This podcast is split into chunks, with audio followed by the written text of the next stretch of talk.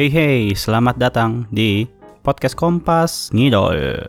Masih bersama saya Irfan dan kali ini saya sendiri saja membahas hal yang sedang ramai dibicarakan oleh fandom JKT48. Apa itu? Tidak lain tidak bukan adalah Flying High. Ya, Flying High enggak sih? Gak, gak, gak bahas itu.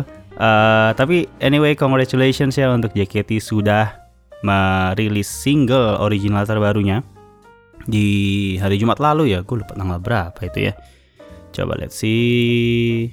Ya, tanggal 17 Flying High. Gimana gimana kalian para fans-fans Puritan? fans-fans Puritan apakah senang dengan Flying High yang kalau kata orang itu K-pop banget sih lagunya, hah? Ini bukan lagu JKT. Pro and cons lah, maksudnya namanya juga lagi perubahan ya, lagi menuju era baru dari JKT48. Di mana ya bisa dilihat lah ya mereka ingin merich pasar-pasar di luar pasar yang selama ini mereka serve gitu. Eh, pasar-pasar puritan, pasar-pasar uh, fans idol Jepang gitu. Yang ini lebih lebar gitu. Fans K-pop juga ada juga gitu. Jadi uh, gua membahas sebenarnya uh, review lah ya atau atau impresi gitu ya kepada Flying High ini. Tapi di channel sebelah di admin 4 jadi lihat aja di YouTube admin 4 di situ ada gua membahas dengan teman-teman admin 4 tentang single Flying High. Nah, daripada bahas Flying High yang pastinya sudah dibahas oleh orang-orang lain dan konten konten-konten atau podcaster lain gitu ya. Gue mungkin mau membahas hal yang cukup sensitif kali ini. Jadi, uh, sebenarnya gue ketawa bahas ini terlihat mensepelekan gak sih? Tapi ya agak lucu sih sebenarnya. Uh, gini gini. Jadi kemarin di ini tweetnya juga udah di sih jadi mungkin sudah soft gitu ya harusnya tapi gatel aja gitu gue pengen pengen bahas ini gitu jadi di tanggal 21 Juni gitu ya uh, if salah satu mantan atau ex member JKT48 yang belum lama ini graduate itu nge-tweet uh, dia lagi ke PRJ terus di PRJ itu katanya dia dibatukin bapak-bapak gitu ya kalau nggak salah. Karena ini tweetnya udah delete gue belum sempat screenshot jadi uh, yang gue inget aja kayak gitu. Terus Nadila membalas pernah nggak pas handshake dibatukin tapi harus tetap tersenyum sambil pakai emot nangis? Nah ini awal mula perkara. Lalu uh, if membalas pernahnya pas lagi HS atau handshake ya bukan HS yang lain ya dielus-elus serem banget pakai emot nangis. Mana waktu itu masih umur 13-14 tahun yang elus-elus kayaknya udah 40-an dah emot nangis lagi jadi uh, mana ya nah terus dibalas dulu nih dibalas lagi sama Michelle wak wak gue juga pernah caps lock emot ketawa nangis. Kalau diinget sekarang sih, gue baik banget dulu kagak marah. Hmm, oke. Okay. Nah, nah jadi perkaranya adalah uh, ada ex member gitu ya mantan member speak up terkait dengan event handshake gitu, di mana kalau yang di portray gitu ya yang diperlihatkan media ketika peliputan handshake kalau misalnya lo lihat di YouTube tuh banyak banget tuh video-video yang membahas handshake dari fansnya sendiri dan juga dari media-media besar gitu, media-media massa gitu. Uh, tadi kalau nggak salah ada beberapa media kayak net, terus ada artikel-artikel uh, portal berita gitu di Indonesia yang membahas event handshake gitu dan secara eksplisit memang disampaikan gitu, dibicarakan gitu bahwa ini he, event salaman gitu sama sama member JKT. Nah, memang memang uh, tentu event seperti ini kan kan ada resiko ya uh, fans-fans creepy gitu ya fans-fans yang tidak tahu sebenarnya batas mana sih yang harus gua jaga gitu ketika gua diberikan kesempatan untuk pegang tangan Oshi gitu loh. Ya kan? Jadi kalau gua lihat tuh handshake tuh kan harusnya salaman dan memegang tangan Oshi. Tapi tanpa apa ya ada tanpa ada gestur berlebihan ini agak susah ya soalnya. Jadi jadi gini jadi gini. Eh uh, gue nggak tahu apa yang dimaksud if di sini ya. Maksudnya di elus-elus itu gimana gitu. Karena kalau gue melihat di video-video event handshake sebenarnya beberapa fans itu menjulurkan tangannya juga biasanya cuma satu gitu. Ya mungkin ada beberapa yang dua tangan. Jadi kayak lu tahu gak sih kayak jabat tangan biasa tapi dipegang gitu pakai dua tangan oleh member gitu. Jadi kayak di digenggam dua tangan gitu loh. Jadi kayak apa ya kayak bukan salaman biasa gitu. Nah, gua gua melihat sih budaya ini kan memang budaya J-pop banget ya. Budaya idol Jepang gitu yang yang dari dulu ya dari kayak dari gua kecil pun udah tahu gitu bahwa di di Jepang itu memang ada event-event seperti ini. Uh, ketemu fans dari uh, berbagai ya, mungkin berbagai penjuru kota penjuru dunia gitu ya. Terus megang tangan gitu. Jadi jadi kesempatan gitu lo punya uh, skinship skin interaction dengan idol lu sounds creepy ya sebenarnya. Cuma memang gitu sih budayanya gitu dari Jepang. Dan mungkin memang buat awam sih akan terdengar creepy ya tapi kalau gue lihat sudah di apa ya sudah diekspos oleh media massa dari bertahun-tahun yang lalu sih tentu akan tetap terlihat tidak normal untuk beberapa orang. Tapi ya mungkin untuk beberapa orang juga oh ya wajar lah ya memang uh, ada budaya idol seperti ini gitu dan itu diwajarkan.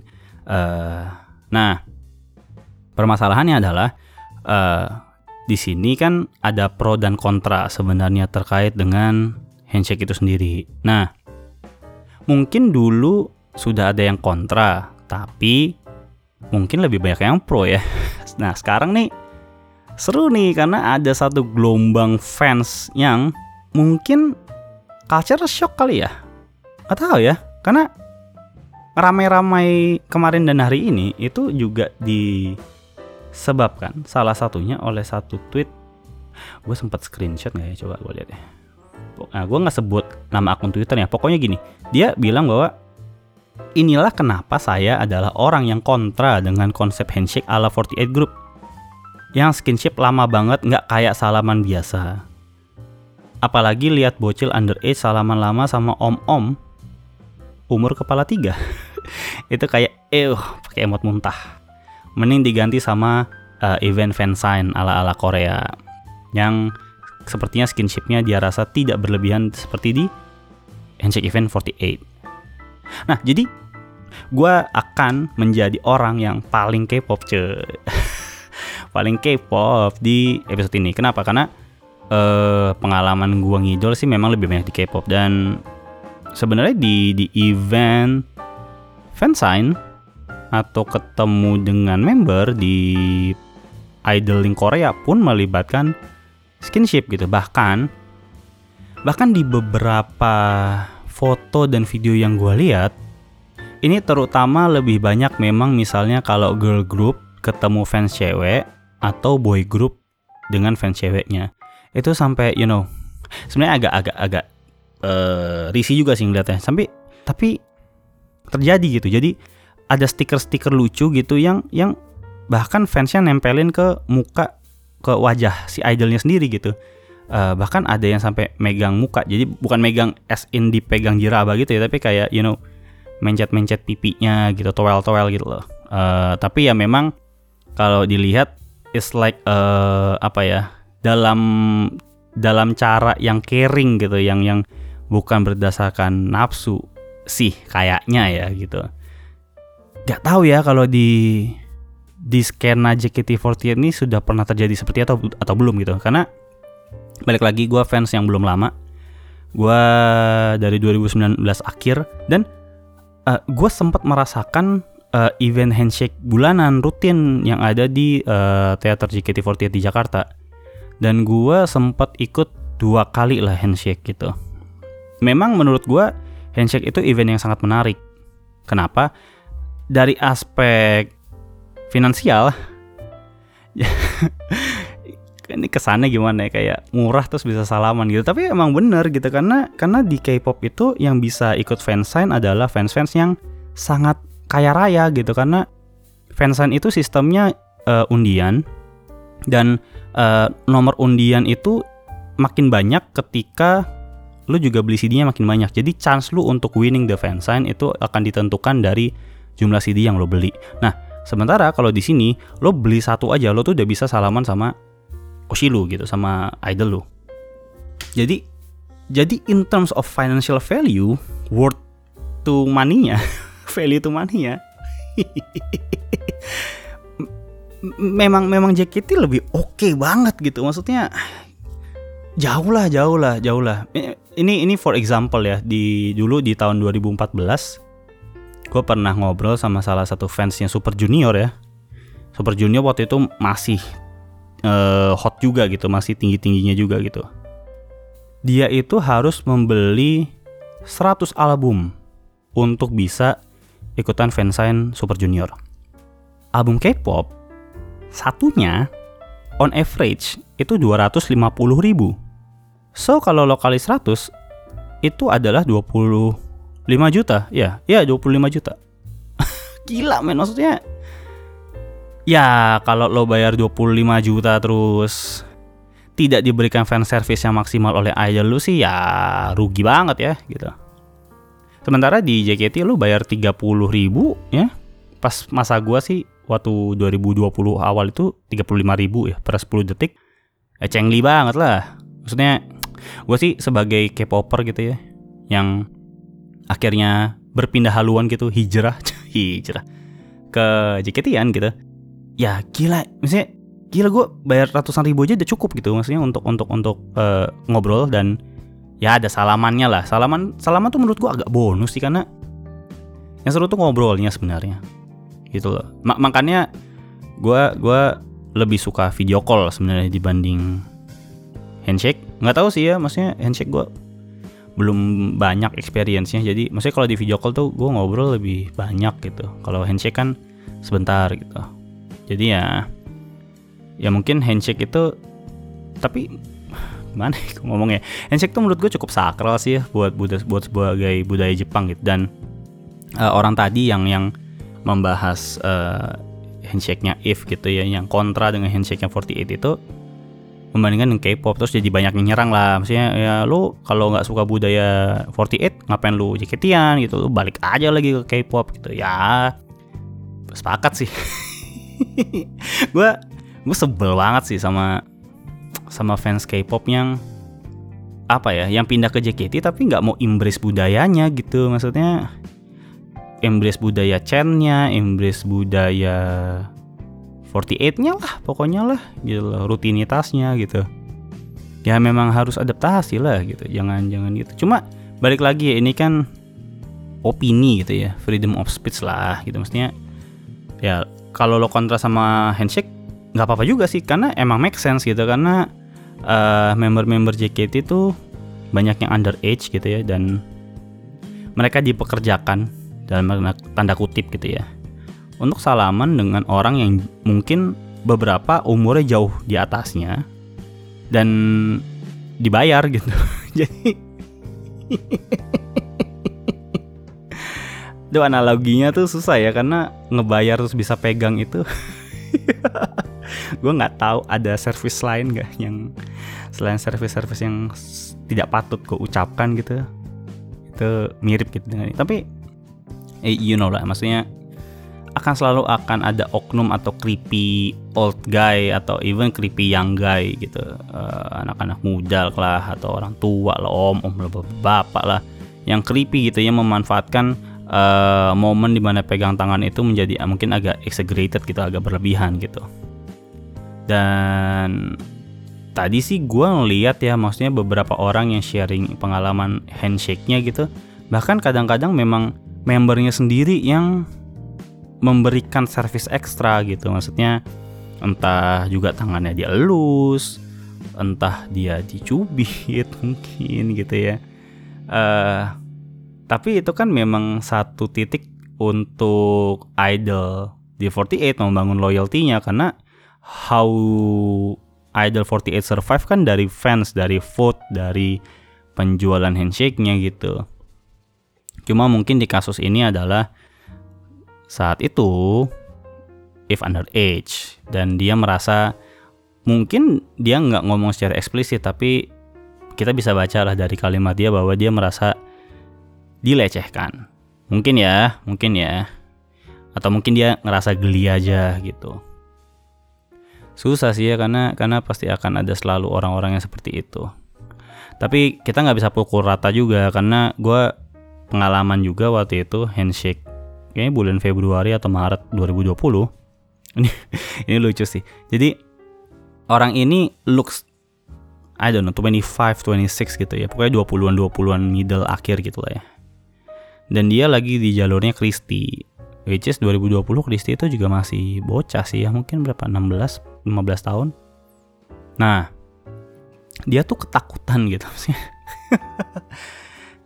dia dia tuh deg-degan gitu tak takut gitu maksudnya ya ya segitunya gitu mau salah mana sama anak kecil doang gitu. Jadi ada loh orang-orang yang uh, bahkan justru di handshake itu dia mungkin jadi sarana dia untuk apa ya latihan mungkin latihan interaksi sama lawan jenis gitu.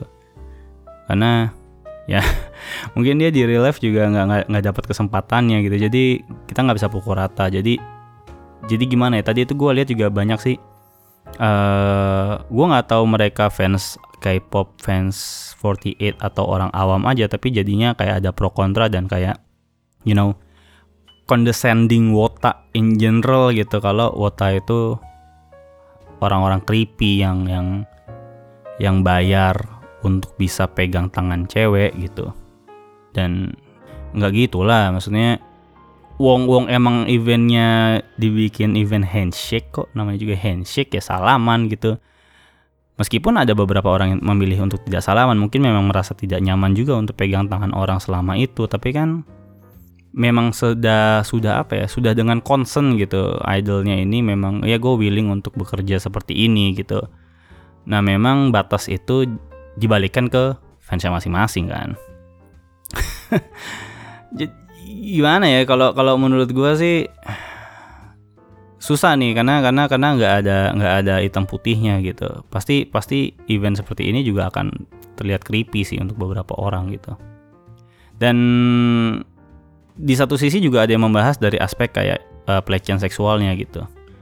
Ya gua sih selalu mendukung korban ya maksudnya kalau if merasa begitu meskipun itu sudah bertahun-tahun lamanya gitu ya tapi ya ya kita harus selalu berpihak kepada korban dulu gitu. Terus ada yang bawa-bawa kayak inilah alasannya kenapa wanita di Indonesia tidak berani mengakui pelecehan seksual. Ya ya ada benernya juga sih mungkin ya.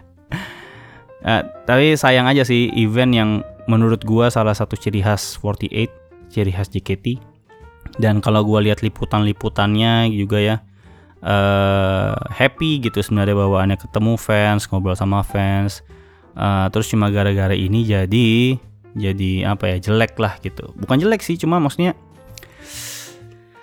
ada jadi jadi terkemas bahwa creepy creepy old guy aja creepy guys aja gitu wata itu gitu sih. Nah ada yang bilang juga ini agak nyebelin sebenarnya uh, kalau gitu kenapa di umur segitu mau jadi member JKT if gitu? Jadi dia nge-quote tweet si if gitu. Oke okay lah dulu lo nggak ada ilmu, tentang idol tapi kok speak up ya baru sekarang setelah status jadi X-Mem nah kalau tadi kita bahas dari aspek handshake-nya uh, tapi juga ada aspek di mana sebenarnya sebagai ex-member oke okay lah lo lo memang sebagai insan sebagai manusia lo punya hak untuk speak up gitu. Tapi memang ada beberapa hal yang apa ya mungkin memang lebih baik untuk tidak dibicarakan sih sebenarnya sih. Walaupun lo punya haknya. Uh, nggak nggak nggak nggak nggak semua bisa lo bicarakan segampang itu karena uh, pasti akan ada memicu sebuah perdebatan yang atau persoalan yang mungkin memang tidak perlu untuk dipersoalkan atau dipermasalahkan pada saat ini gitu ya kita tahu sendiri lah maksudnya if member yang cukup blatant gitu blatantly speaking uh, about her thoughts gitu. Jadi dia tuh ngomongnya nggak nggak nggak nggak ngambang gitu. Langsung jelas aja straightforward to the point gitu. Nggak ada politically correct. Dia nggak mikirin gue harus ngemas kata-kata kayak gimana yang gue lihat seperti itu ya. Dan ya susah gitu. Maksudnya dia cuma mungkin cuma mau sharing pengalamannya aja tapi akhirnya jadi dibawa ke mana-mana gitu. Dan memang harusnya sih mana ya harusnya ya memang di menurut gue ya memang lebih baik disimpan aja sih. Karena karena itu menyangkut berbagai macam berbagai macam stakeholder gitu. Maksudnya berbagai macam uh, orang dan kubu gitu. Uh, fans JKT ke bawah uh, ex member ke bawah mungkin uh, orang-orang yang sebel sama JKT atau sebel sama Wota atau punya persepsi jelek terhadap Wota ke bawah. Jadi ya I think it's just an innocent confess aja sih sebenarnya sih. Yang memang secara intuitif aja gitu secara spontan aja gitu. Dia speak up gitu. Mungkin kalau dipikirin banget baik-baik gitu apakah gue perlu ngomong kayak gini gitu. Mungkin uh, bisa nggak jadi ngomong kayak gitu gitu di di Twitter yang kita tahu kan Twitter sarangnya. Perdebatan-perdebatannya sebenarnya tidak perlu gitu ya. Ya gitu jadi jadi menurut lo gimana? Maksudnya apakah handshake tetap harus diadakan? Ya tetap harus lah. Gimana sih? Gue malah menunggu-nunggu ada handshake. Cuma gue personally tidak begitu pengen salamannya gitu ya. Salaman es bonus tapi ngobrol langsung dengan Oshi dengan Idol itu jauh lebih menarik buat gue dan you know what step pertamanya adalah adakan high touch kembali ya. Adakan high touch kembali. Meet and greet itu akrilik ya. Stand akrilik tuh nggak usah lah ya. Ini pandemi udah membaik loh. Udah lah nggak usah ada stand akrilik kayak toko emas gitu kayak takut dirampok gitu. Jangan nggak usah lah nggak usah lah. Gue tuh pengen ngobrol langsung sama idol gue sama Oshi gue gitu. Ya. Ya paling itu aja lah ya. Jadi uh, konklusinya adalah ya don't be a creepy guy lah don't be a creepy man gitu don't be a creepy girl pokoknya yang creepy lah gitu lo harus tahu batas lo dikasih kesempatan untuk pegang tangan Oshi lo, gunakanlah dengan bijak walaupun lo sudah membayar. I think that's all. Thank you yang sudah mendengarkan episode kali ini. Bye bye and see you around. Ciao.